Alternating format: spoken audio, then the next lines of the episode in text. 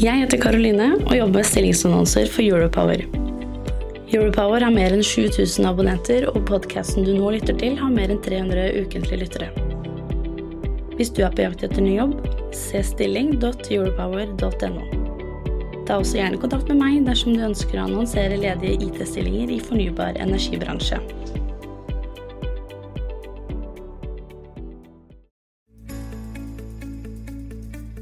Looking at what the EU does, big countries like Germany, but also smaller ones like uh, Portugal, I think that uh, we will see the creation of uh, hydrogen as a commodity, uh, much like uh, gasoline or diesel is today. You are listening to a podcast episode from Enowe, a Norwegian news magazine for the energy industry. This episode contains content marketing from the Norwegian Hydrogen Conference. The Norwegian Hydrogen Forum recently arranged a digital event focusing on the role of hydrogen in the energy transition. My name is Shul Christian Aamodt, and I'm the CEO in Energy.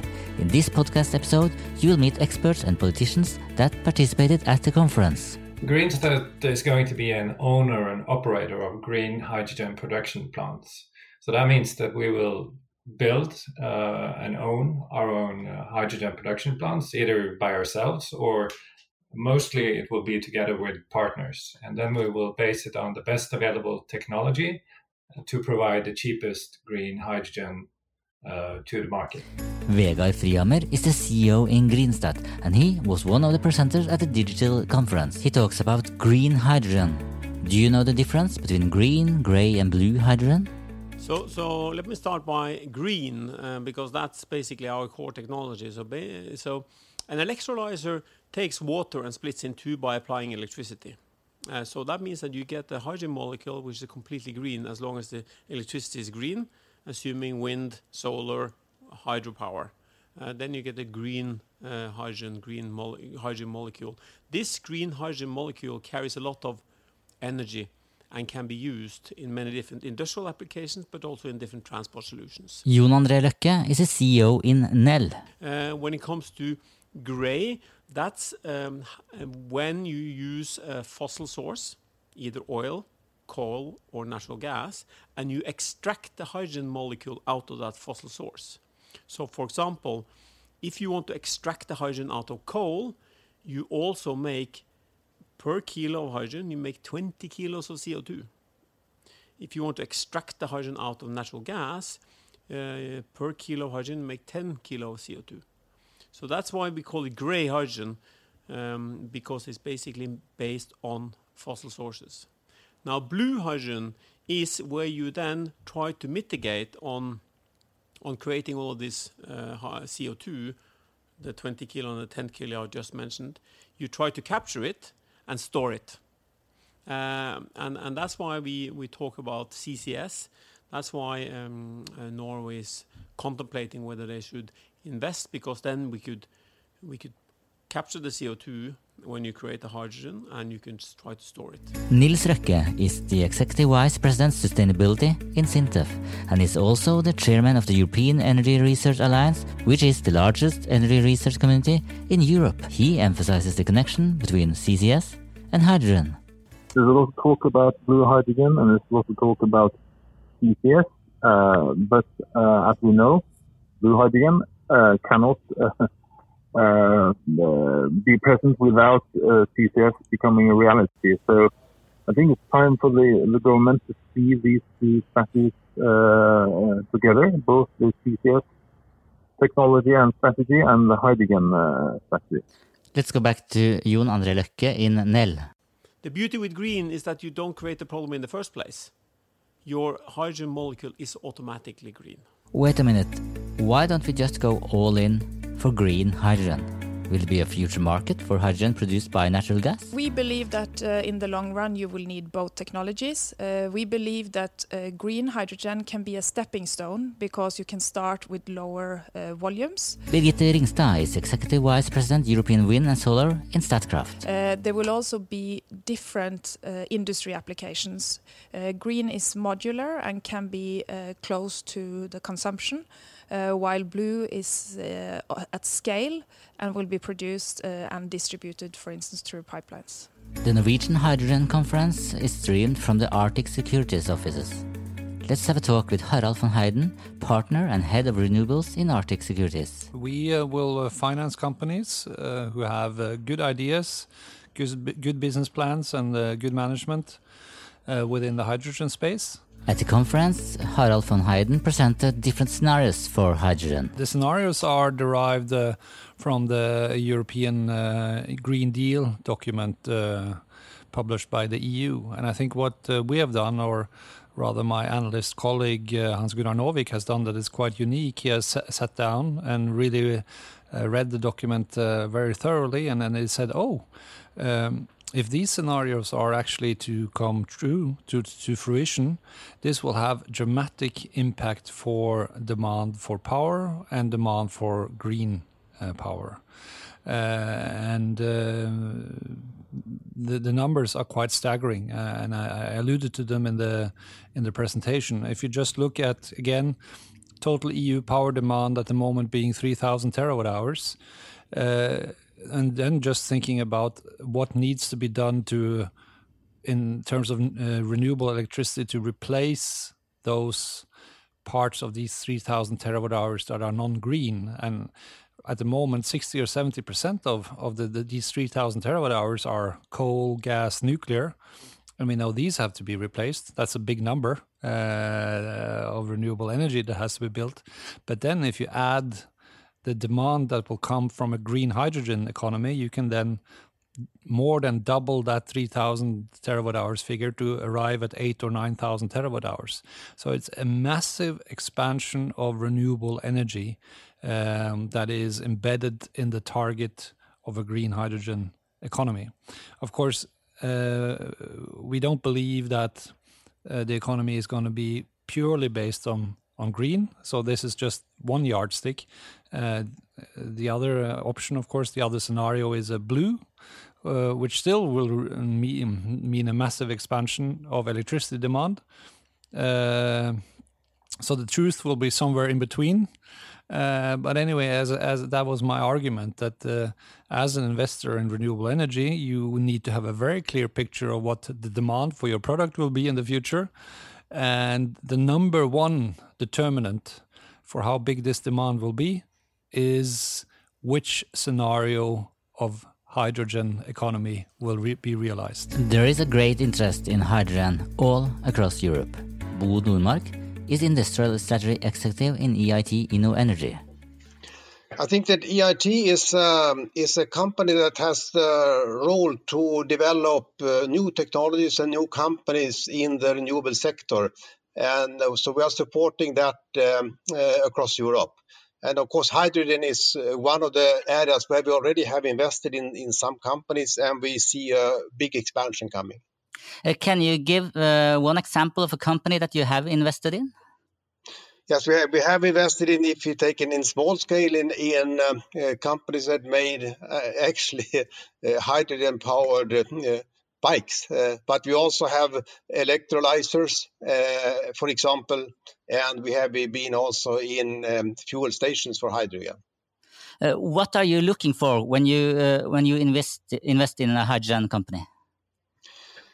Well, what we're foremost looking for is, is the potential, and uh, the potential in, in uh, making a difference in the in the power sector, in the transport sector, in the transformation towards a more green society. That's what we are looking for, and so we have uh, criteria like um, possibilities to grow uh, and environmental impact. But uh, why do we need hydrogen? Why don't we just use batteries? Vi Jon André Løkke in Nel. Uh, hydrogen is an energy carrier, uh, and you cannot solve everything with battery. For example, you cannot make CO2-free steel with batteries. You can't make green ammonia with batteries.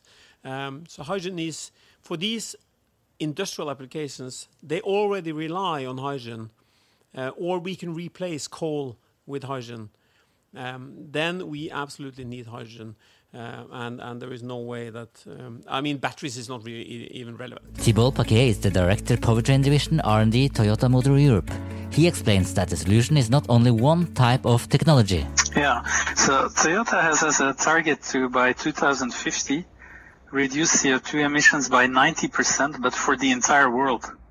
So of course that means in some regions we have to achieve 100%, but globally we want to achieve 90% reduction.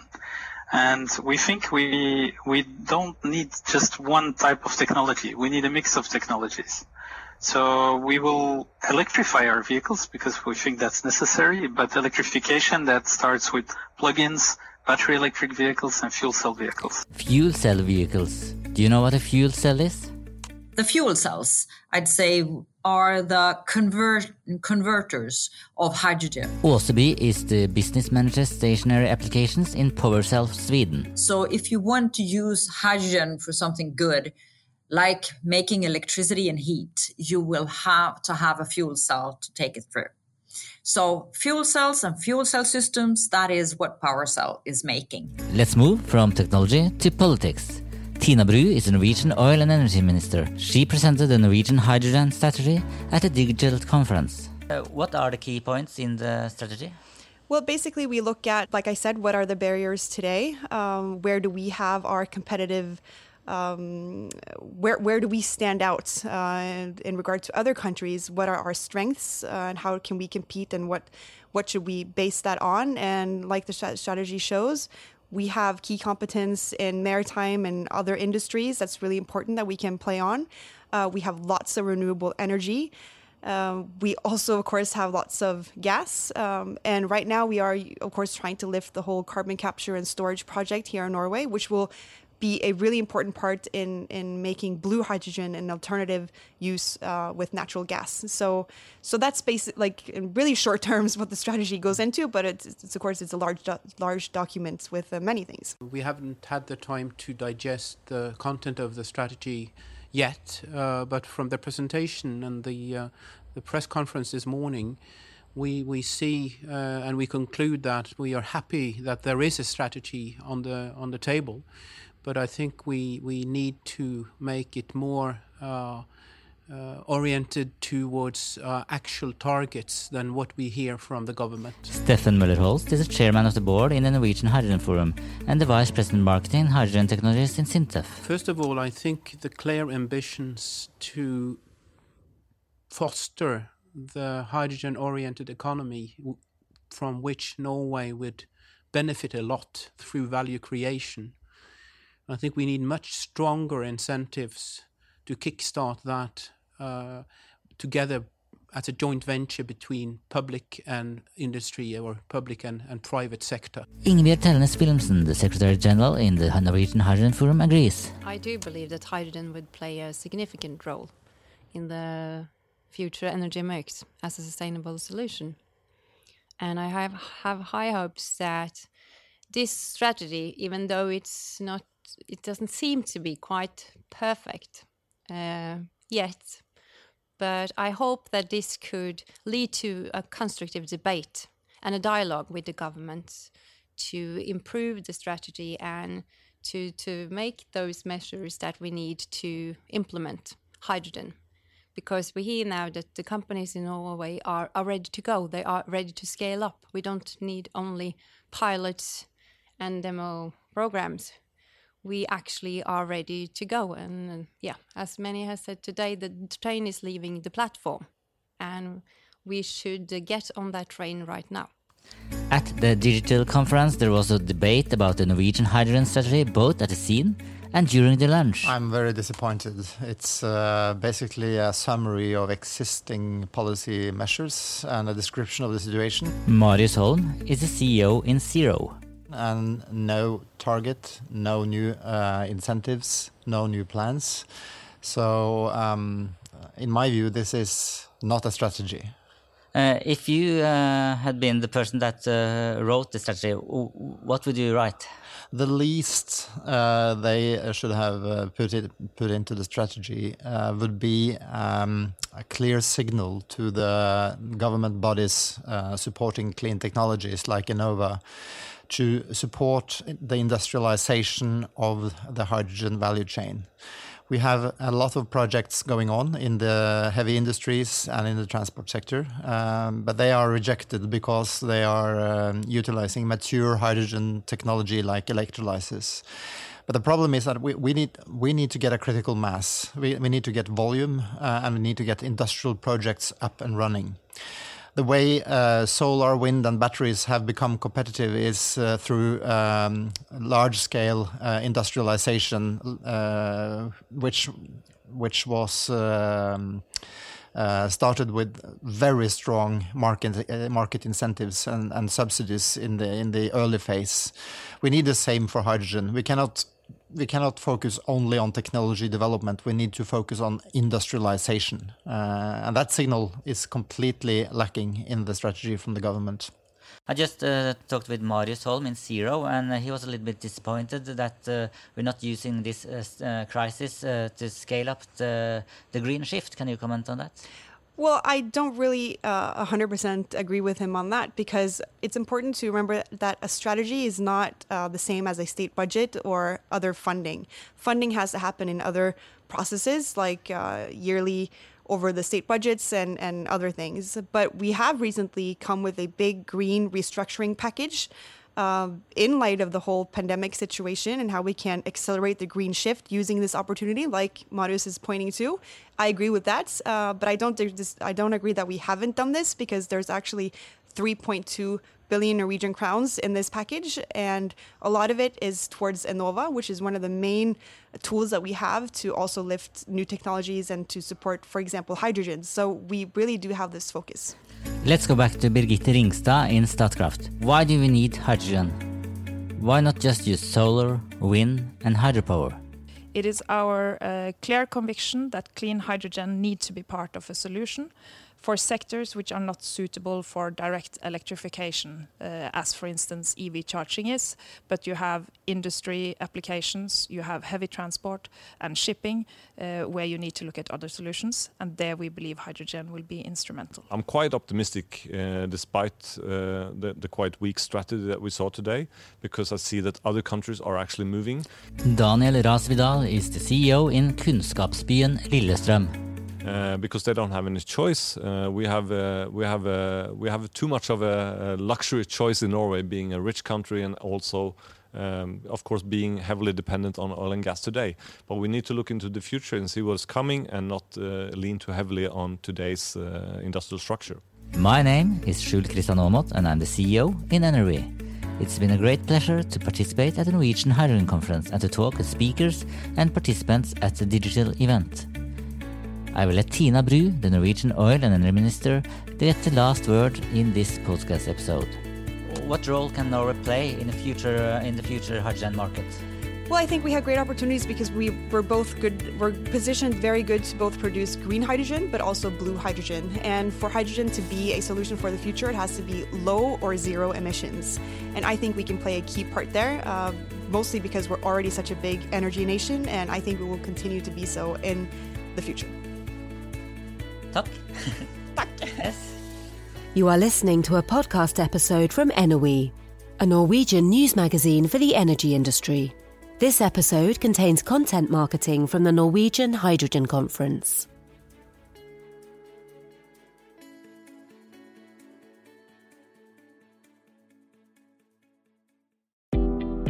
Jeg heter Karoline og jobber med stillingsannonser for Europower. Europower har mer enn 7000 abonnenter, og podkasten du nå lytter til, har mer enn 300 ukentlige lyttere. Hvis du er på jakt etter ny jobb, se stilling.europower.no. Ta også gjerne kontakt med meg dersom du ønsker å annonsere ledige IT-stillinger i fornybar energibransje.